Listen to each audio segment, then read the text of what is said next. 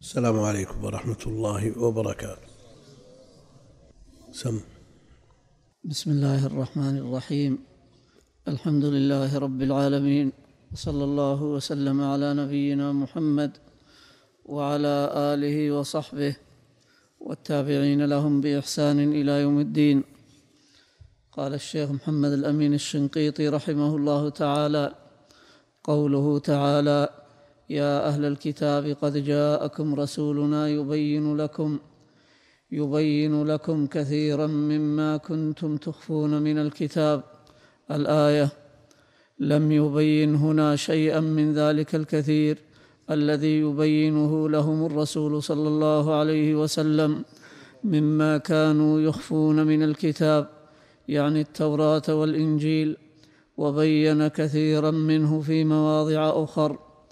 فمما كانوا يخفون من أحكام التوراة رجم الزاني المحصن وبينه القرآن في قوله تعالى ألم تر إلى الذين أوتوا نصيبا من الكتاب يدعون إلى كتاب الله ليحكم بينهم ثم يتولى فريق منهم وهم معرضون. يعني يدعون إلى التوراة ليحكم بينهم في حد الزاني المحصن بالرجم. وهم معرضون عن ذلك منكرون له. وجاء بيان هذا الحد الذي هو الرجم بالنسبة لليهوديين اللذين زنيا زنى يهودي بامرأة يهودية. فجاءوا إلى النبي عليه الصلاة والسلام من أجل إقامة الحد.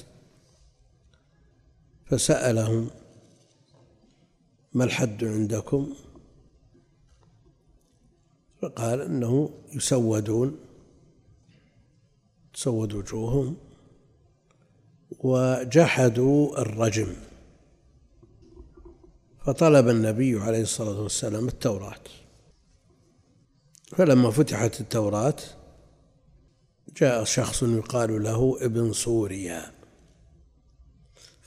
فوضع يده على آية الرجم. فقال عبد الله بن سلام ارفع يدك. قل له يرفع يده. فرفع يده فإذا آية الرجم تلوح. فأمر بهما عليه الصلاة والسلام فرجما.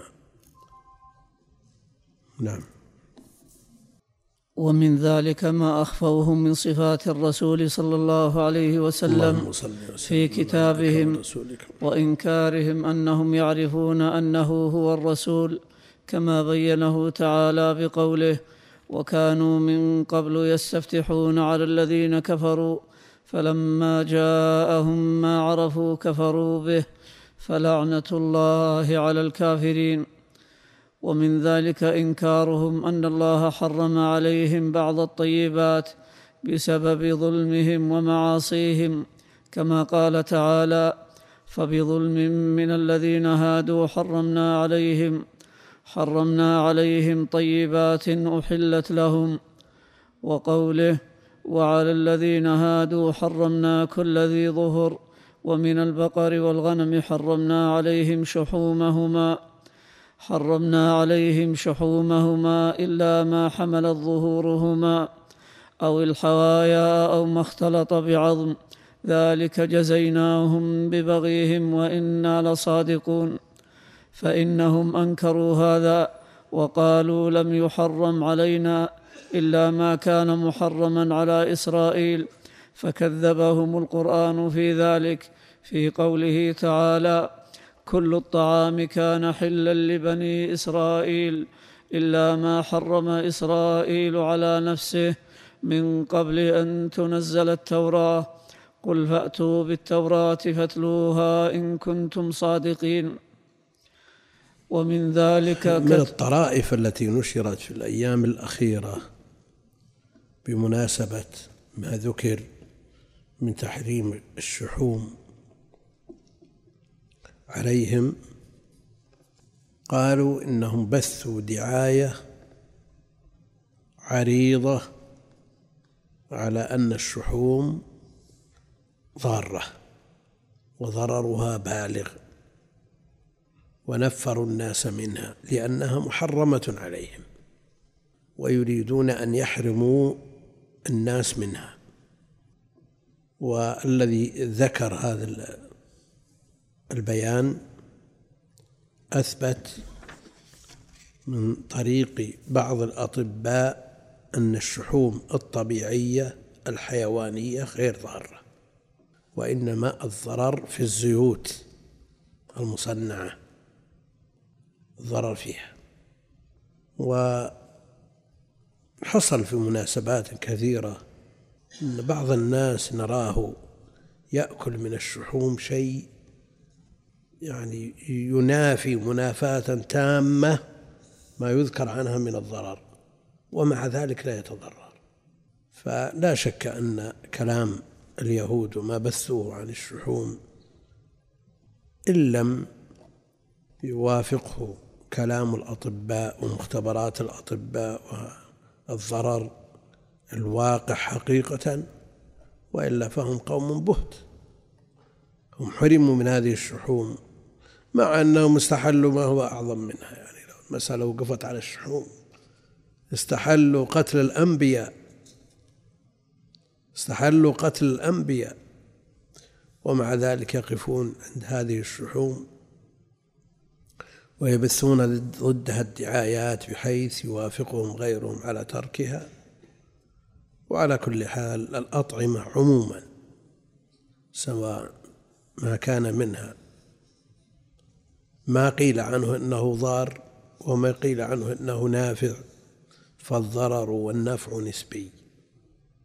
تجد هذا ضار لزيد من الناس ونافع لعمر وتجد ذاك العكس. فهذه الشحوم رأينا من يأكلها وبكثرة إلى وقت قريب وكبار السن الألية تؤكل كاملة. من قبل شخص واحد. والظهر يجرد جرد. والسمن في الأواني الكبيرة يشرب شرب مثل الماء. نعم أجساد الناس تغيرت قدراتهم وتحملهم للأمور اختلفت. من أول الواحد سيما إذا كان يعمل. يأكل الوزنتين والثلاث من التمر بجلسة واحدة. الوزنة آه، كيلو ونص. فيأكلون. ويشرب القدح فيه السمن الذي يأخذ آه، ثلاثة لتر أربعة لتر بجلسة واحدة. ولا يتضررون. والآن نرى بعض الناس ممن يؤيد أن هذه الشحوم الطبيعية في من بهيمة الأنعام أنها ضررها يسير وليس وقد يكون ضار لبعض الناس مثل ما يضرها اللحم ومثل ما يضرها التمر مثل ما يضرها أنواع الأطعمة. لكن الحملة التي شنت على الشحم بحيث لا يتناول منه ولا شيء يسير. هذا فيه ما فيه. لا سيما بعض الناس بالتجربة أكبر برهان. تجربة أكبر برهان. أنا من أضعف الناس تحمل في المعدة وفي يعني تهفو النفس إلى قطعة من الشحم ولا حصل شيء والله الحمد. نعم. أو ما اختلط بعض إلا ما حرمنا عليهم شحومهما إلا ما حملت ظهورهما أو الحوايا أو ما اختلط بعض. فهم حرمت عليهم الشحوم وبسبب ذلك بثوا هذه الدعاية ولا أدري عاد تقرير واحد من أكثر من واحد ما هو واحد أنهم أنهم هم السبب في بث هذه الدعاية. والمسألة طبية. المسألة طبية قد يؤيد الأطباء ما يقال وقد ينفونه. نعم. ومن ذلك كتم النصارى بشارة عيسى بن مريم لهم بمحمد صلى الله عليه وسلم وقد بينها تعالى بقوله وإذ قال عيسى ابن مريم يا بني إسرائيل إني رسول الله إني رسول الله إليكم مصدقا لما بين يدي من التوراة ومبشرا برسول يأتي من بعد اسمه أحمد. إلى غير ذلك من الآيات المبينة لما أخفوه من كتبهم. قوله تعالى واتل عليهم نبأ ابني آدم بالحق الآية قال جمهور العلماء إنهما ابنا آدم لصلبه وهما هابيل وقابيل وقال الحسن البصري رحمه الله هما رجلان من بني إسرائيل ولكن القرآن يشهد لقول الجماعة ويدل على عدم صحة قول الحسن وذلك في قوله تعالى فبعث الله غرابا يبحث في الأرض ليريه كيف يواري سوءة أخيه ولا يخفى على أحد أنه ليس في بني إسرائيل. يعني نظير ما قيل في الحيض والرسول صلى الله عليه وسلم يقول هذا شيء كتبه الله على بنات آدم. هذا شيء كتبه الله على بنات آدم. ما يدل على أنه موجود مع بدء الخليقة. وقال بعضهم إنه أول ما نزل الحيض على نساء بني إسرائيل على نساء بني إسرائيل. وبعضهم حاول أن يوفق بين هذا وذاك فقال إن بدء الحيض في قديم ومن أول الأمر ولكن كثرته وانصبابه بقوة إنما نزل على نساء بني إسرائيل عقوبة لهن. وهذا الذي يقول ابني آدم هما رجلان من بني إسرائيل في قول الحسن من بني إسرائيل. ناس يدفنون موتاهم من لدن آدم وأبناء آدم وذرية آدم ومن بعدهم. في القرون المتتالية والأمم المتعاقبة يدفنونه. وهنا إذا كان في بني إسرائيل معناهم أنهم لا يتدافنون ولا يعرفون الدفن. حتى جاءت هذه القصة لبني إسرائيل فعلموا الدفن بواسطة الغراب. طيب ماذا عن من كان قبل هذه القصة؟ والشيخ يبي يستدل بهذا. نعم. ويدل على عدم صحة قول الحسن وذلك في قوله تعالى فبعث الله غرابا يبحث في الأرض ليريه كيف يواري سوءة أخيه ولا يخفى على أحد أنه ليس في بني إسرائيل رجل يجهل الدفن حتى يدله عليه الغراب. فقصة الاقتداء بالغراب في الدفن ومعرفته منه تدل على أن الواقعة وقعت في أول الأمر قبل أن يتمرن الناس على دفن الموتى كما هو واضح ونبه عليه غير واحد من العلماء والله تعالى أعلم. قوله تعالى من أجل ذلك كتبنا على بني إسرائيل أنه من قتل نفسا بغير نفس بغير نفس أو فساد في الأرض الآية. صرح في هذه الآية الكريمة أنه كتب على بني إسرائيل أنه من قتل نفسا بغير نفس أو فساد في الأرض فكأنما قتل الناس جميعا. ولم يتعرض هنا لحكم من قتل نفسا بنفس أو فساد في الأرض ولكنه بين ذلك في مواضع أخر. فبين أن قتل النفس بالنفس جائز في قوله وكتبنا عليهم فيها أن النفس بالنفس الآية وفي قوله كتب عليكم القصاص في القتلى وقوله ومن قتل مظلوما فقد جعلنا لوليه سلطانا الآية. واعلم أن آيات القصاص في النفس فيها إجمال بينته السنة وحاصل تحريم المقام فيها. أو تحرير الله. تحرير.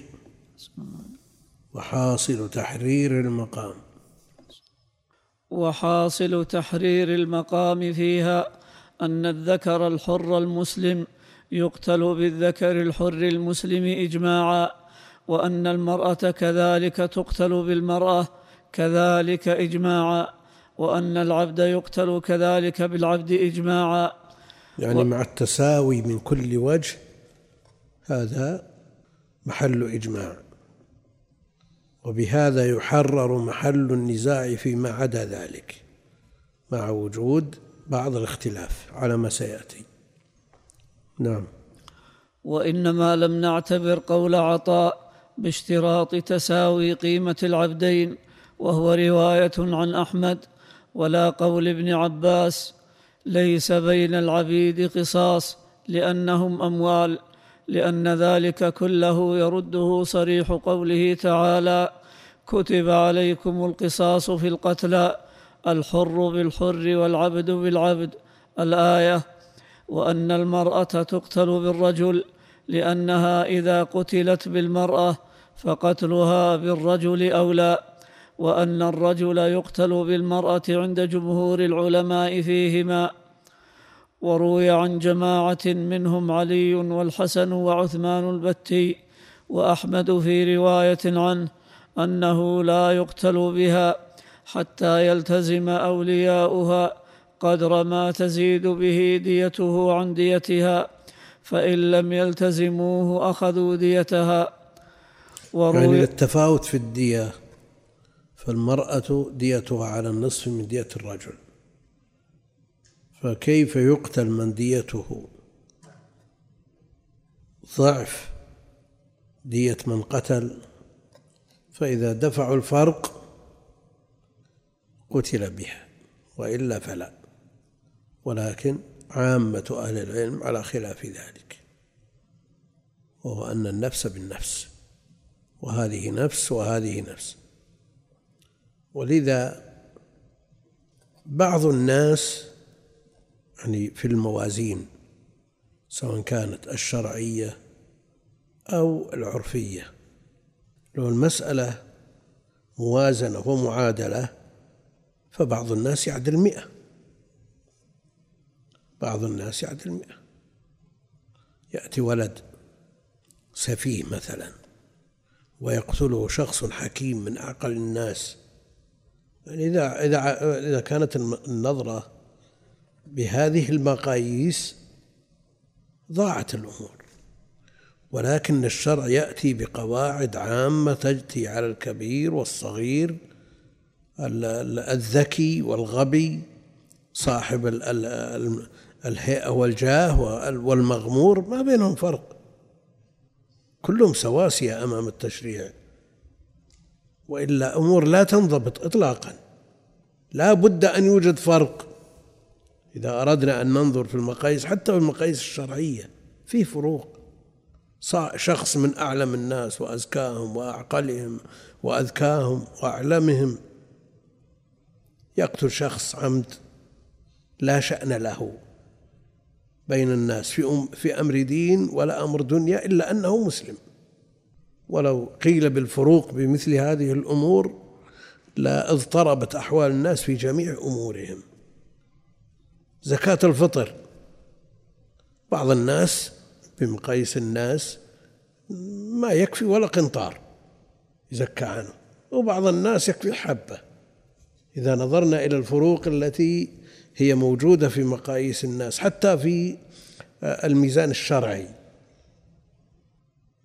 يعني تأتي لشخص أنفع من أنفع الناس للناس ومن أعلمهم ومن أهل العلم والفضل والدين وكذا وتقارنه بشخص لا يؤبه له ولا يلتفت إليه لكن الشرع جاء بالتساوي. في أمور التشريع العامة لا فرق بين عربي ولا عجمي ولا أسود ولا أبيض ولا ما في إلا التقوى. هذه تفرق بين الناس. نعم.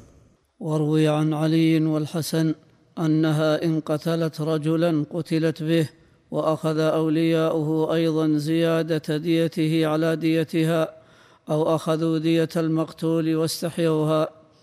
قال القرطبي بعد أن ذكر هذا الكلام عن علي رضي الله عنه والحسن البصري وقد أنكر ذا وقد أنكر ذلك عنهم أيضا. يعني نفي. إنه لا يثبت عنه. نعم. وروى هذا الشعبي عن علي ولا يصح لأن الشعبي لم يلق عليا. وقد روى الحكم عن علي وعبد الله أنهما قالا إذا قتل الرجل المرأة متعمدا فهو بها قود. وهذا يعارض رواية الشعبي عن علي. وقال ابن حجر في فتح الباري في باب سؤال القاتل حتى يقر والإقرار في الحدود بعد أن ذكر القول المذكور عن علي والحسن ولا يثبت عن علي ولكن هو قول عثمان البتي أحد فقهاء البصرة ويدل على بطلان هذا القول أنه ذكر فيه أن أولياء الرجل إذا قتلته امرأة يجمع لهم بين القصاص ونصف الدية وهذا قول يدل الكتاب والسنة على بطلانه وأنه إما القصاص فقط وإما الدية فقط لأنه تعالى قال كتب عليكم القصاص في القتلى ثم قال فمن عفي له من أخيه شيء فاتباع بالمعروف الآية فرتب الاتباع بالدية على العفو دون القصاص. وقال صلى الله عليه وسلم من قتل له قتيل فهو بخير النظرين. الحديث وهو صريح في عدم الجمع بينهما كما هو واضح عند عامة العلماء. وحكي عن أحمد في رواية عنه وعثمان البتي وعطاء أن الرجل لا يقتل بالمرأة بل تجب الدية قاله ابن كثير. وروي عن الليث والزهري إن كانت زوجته لم يقتل بها وإن كانت غير زوجته قتل بها. والتحقيق قتله بها مطلقا كما سترى أدلته. فمن الأدلة على قتل الرجل بالمرأة إجماع العلماء. يقول إن كانت زوجته لم يقتل بها وإن كانت غير زوجته قتل بها. ما الفرق بين الزوجة وغيرها؟ هذا لا عقل ولا نقل وأكثر المشاكل تكون بين الزوجين. هي أكثر منها بين الرجل الأجنبي والمرأة الأجنبية. وعلى هذا يسهل القتل بهذه الطريقة والتخلص من المرأة. إذا حصل بينهما من سوء العشره ما يحصل. ولكن هذا القول ليس له حظ من النظر. نعم منها وش تصير وعفا له أولاد منها وقتله. يقتل به وش دخل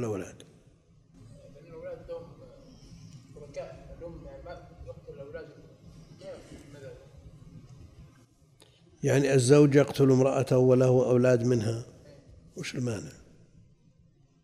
ويقتل بها. ويقتل بها. لكن أنت تنظر إليها من زاوية أن هذا الأولاد قد يعفون. يعفون ويعدلون إلى الدية. هذا سيأتي إن شاء الله. نعم. فمن الأدلة على قتل على قتل الرجل بالمرأة إجماع العلماء على أن الصحيح السليم الأعضاء إذا قتل أعور أو أشل أو نحو ذلك عمدا وجب عليه القصاص ولا يجب لأوليائه شيء في مقابلة ما زاد به من الأعضاء السليمة على المقتول. ومن الأدلة على قتل الرجل بالمرأة ما ثبت في الصحيحين عنه صلى الله عليه وسلم من حديث أنس أنه صلى الله عليه وسلم رض رأس رض رأس يهودي بالحجارة قصاصا بجارية فعل بها كذلك. وهذا الحديث استدل به العلماء على قتل الذكر بالأنثى وعلى وجوب القصاص في القتل بغير المحدد والسلاح. يعني من باب المماثلة من باب المماثلة في القصاص. أنه رد, رأسها بين حجرين فقتل بمثل ما قتل.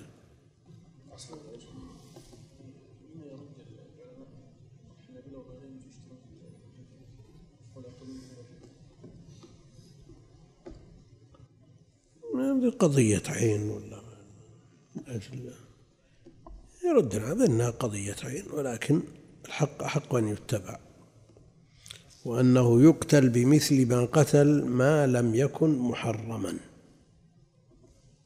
هل جريئة أم حرة؟ ها؟ جريئة أم حرة؟ حر حر إيه؟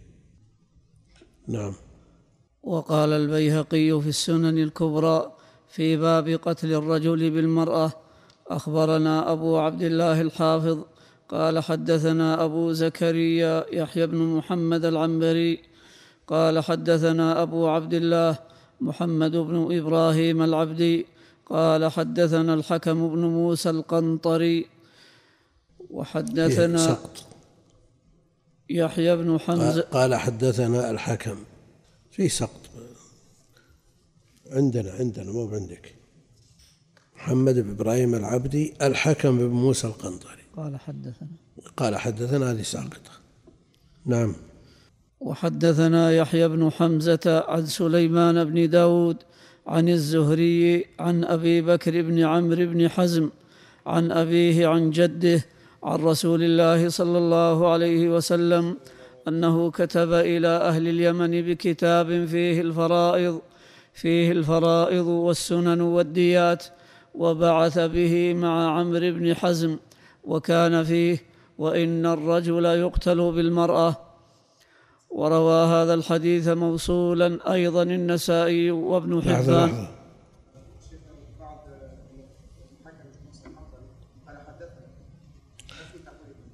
إيه قال حدثنا يحيى بن حمزة.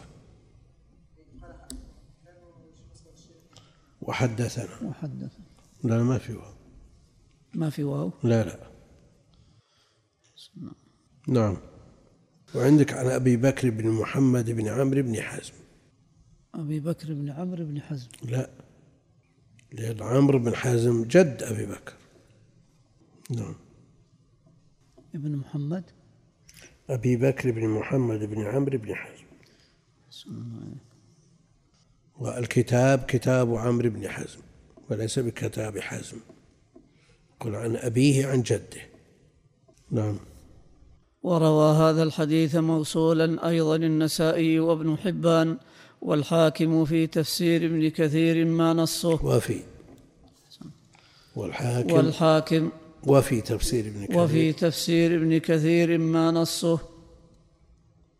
نعم. وفي الحديث الذي رواه النسائي وغيره أن رسول الله صلى الله عليه وسلم كتب في كتاب عمرو بن حزم أن الرجل يقتل بالمرأة وكتاب رسول الله صلى الله عليه وسلم هذا لعمرو بن حزم الذي فيه أن الرجل يقتل بالمرأة.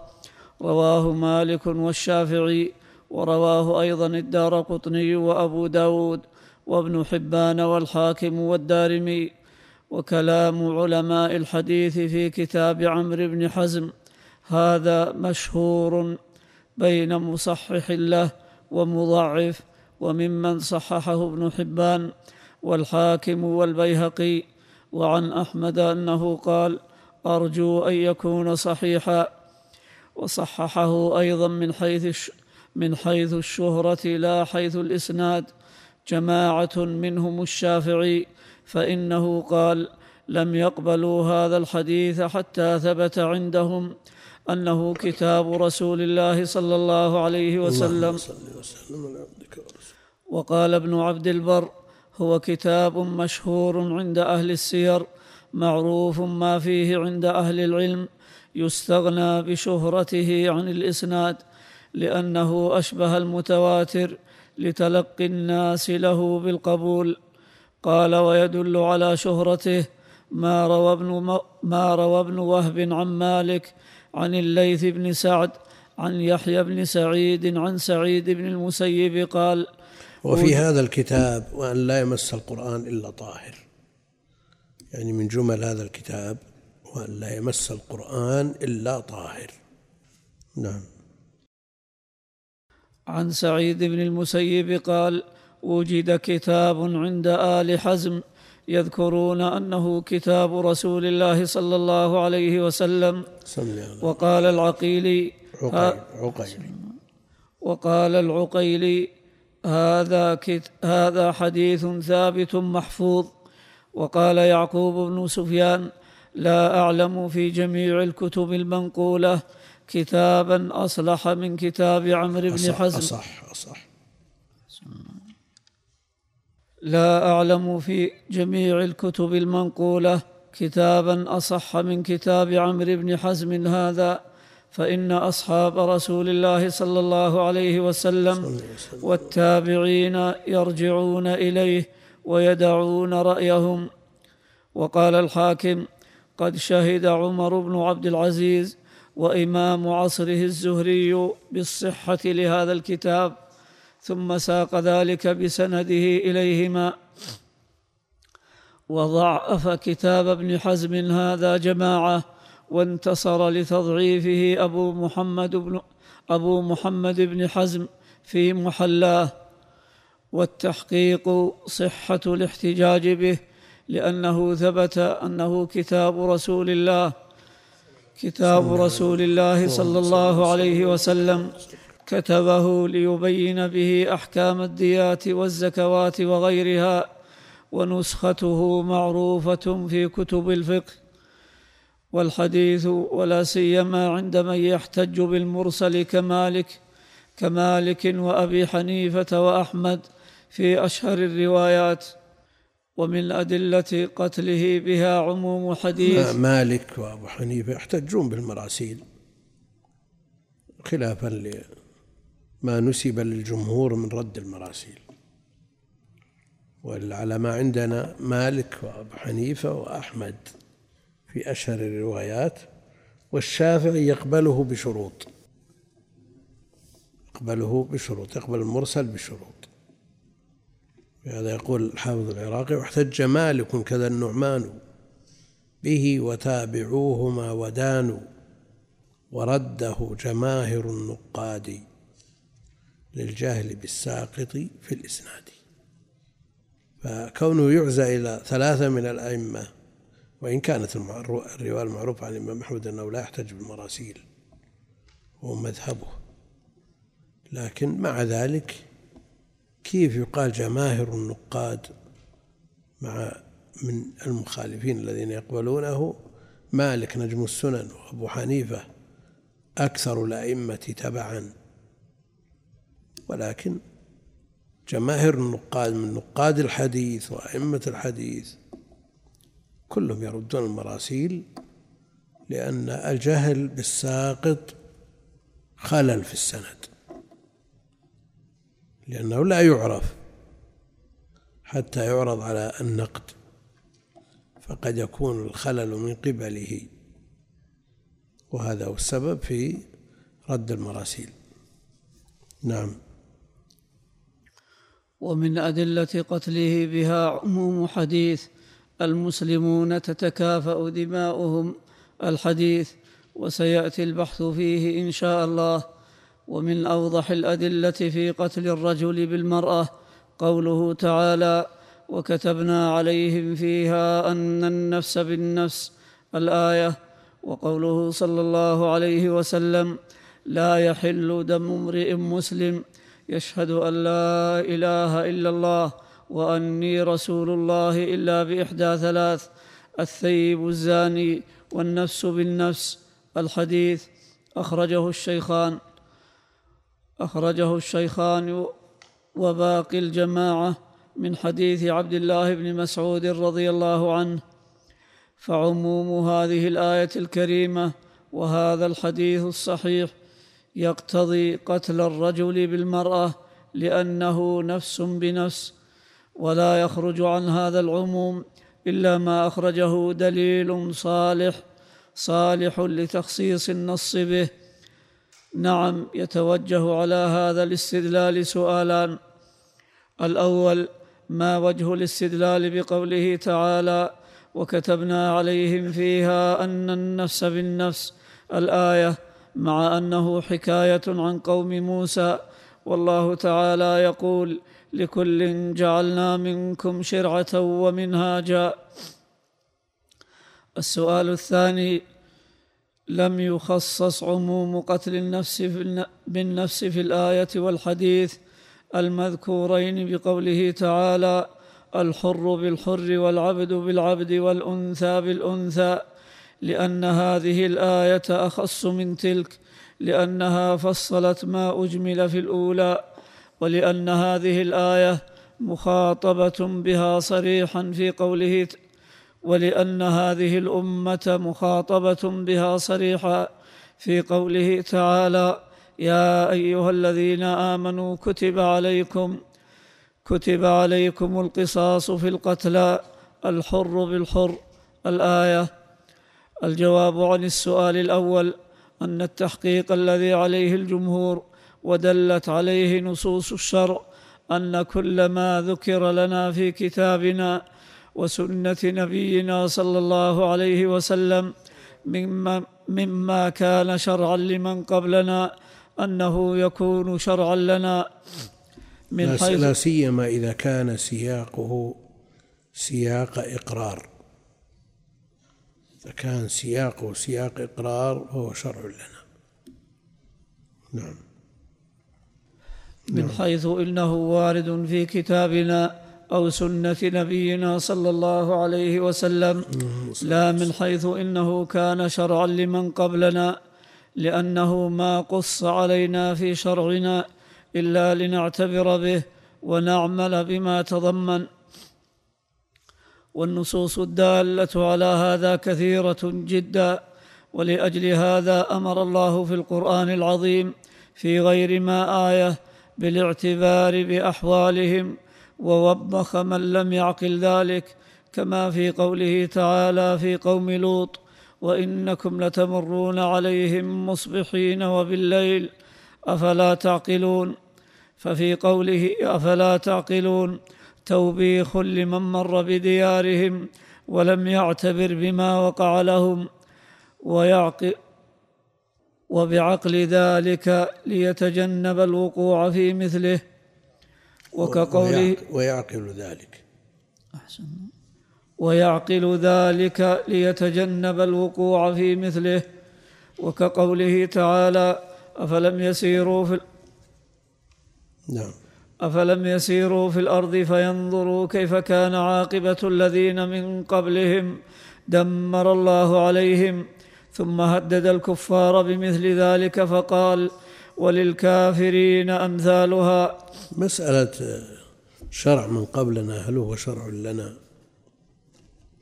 مسألة خلافية بين الأئمة في كتب الأصول. ولا شك أنه ذكر في شرعنا أحكام فرضت أو حرمت على من قبلنا. وأننا لسنا مطالبين بها لأن شرعنا جاء بخلافها. فما جاء شرعنا بخلافه فهو ليس بشرع لنا اتفاقا. ليس بشرع لنا محل اتفاق هذا. وشرعنا ناسخ لما قبله من الشرائع. والكلام فيما لم يرد في شرعنا لا تأييد له ولا معارضة. هذا هو محل الخلاف الذي يذكره العلماء والشيخ بين هذا واستطرد فيه. نعم. وقال في حجارة قوم لوط التي أهلكوا بها أو ديارهم التي أهلكوا فيها وما هي من الظالمين ببعيد وهو تهديد عظيم منه تعالى لمن لم يعتبر بحالهم. فيجتنب ارتكاب ما هلكوا بسببه وأمثال ذلك كثير في القرآن. وقال تعالى لقد كان في قصصهم عبرة لأولي الألباب فصرح بأنه يقص قصصهم في القرآن للعبرة وهو دليل واضح لما ذكرنا.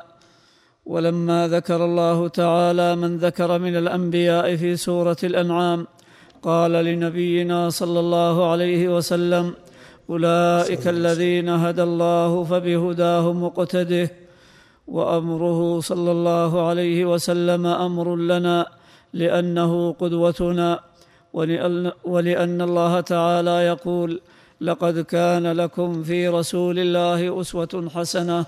إلا ما دل إلا ما دل الدليل على اختصاصه به.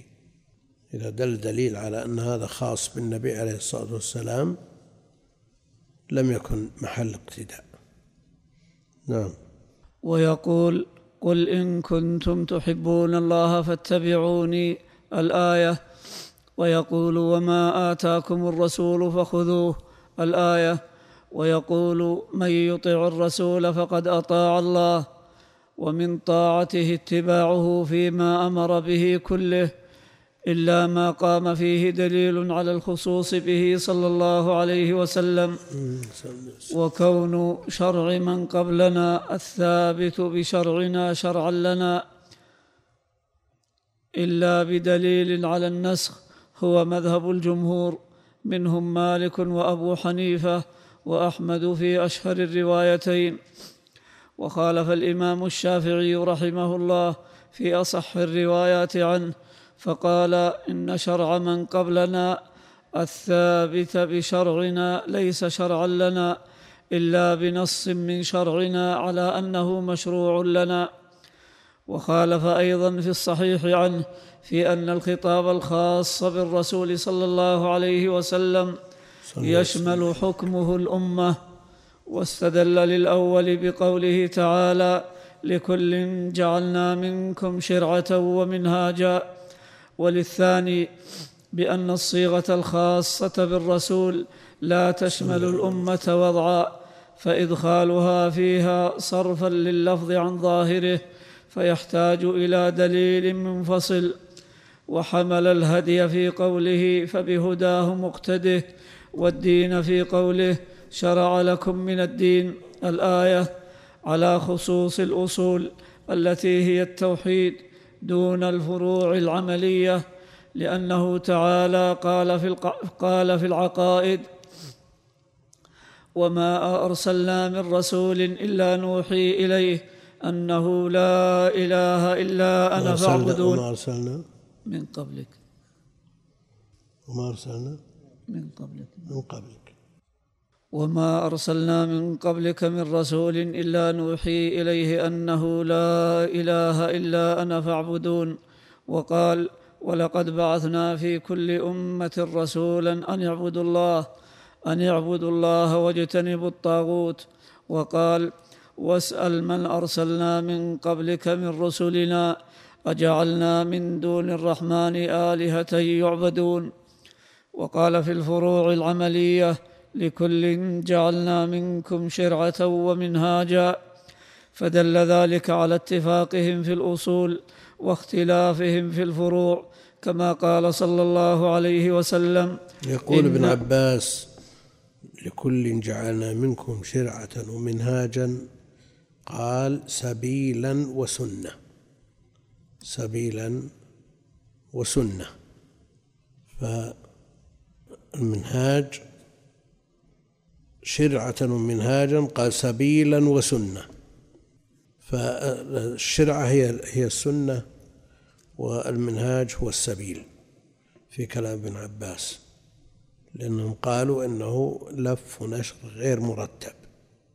فالشرعة هي السبيل هي هي السنة والسبيل هو المنهاج. نعم. وقال في الفروع العلمية. نعم العملية ليست العلمية نعم. كما قال صلى الله عليه وسلم إنا معشر الأنبياء إخوة لعلات. علات علات. إخوة لعلات ديننا واحد. أخرجه البخاري في صحيحه من حديث أبي هريرة رضي الله عنه قال مقيده عفى الله عنه وغفر له. أما حمل الهدي في آية فبهداهم اقتده والدين في آية طويل هذا. نقف طويل جدا. قال نكمل الدرس القادم إن شاء الله. اللهم صل وسلم على عبدك.